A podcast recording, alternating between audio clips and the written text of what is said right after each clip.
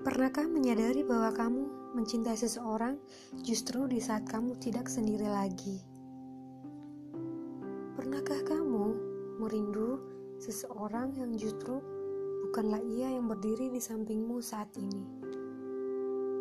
Pernahkah kamu berlomba mengejar waktu untuk duduk bersama dengan dia yang diam-diam menginvasi semesta kecilmu di saat hidupmu telah ditentukan Tuhan untuk tidak bersama dia.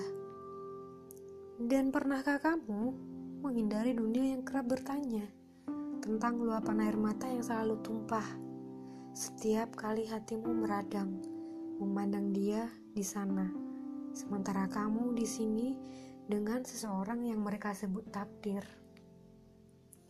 Maka akuilah bahwa kamu merindukannya, karena tidak pernah mengakui adalah penghukuman kepada diri sendiri yang diam-diam membiarkan kesedihan menggerogoti pertahanan hati. Tubuhmu mungkin bisa berpindah pelukan, tapi tidak hatimu.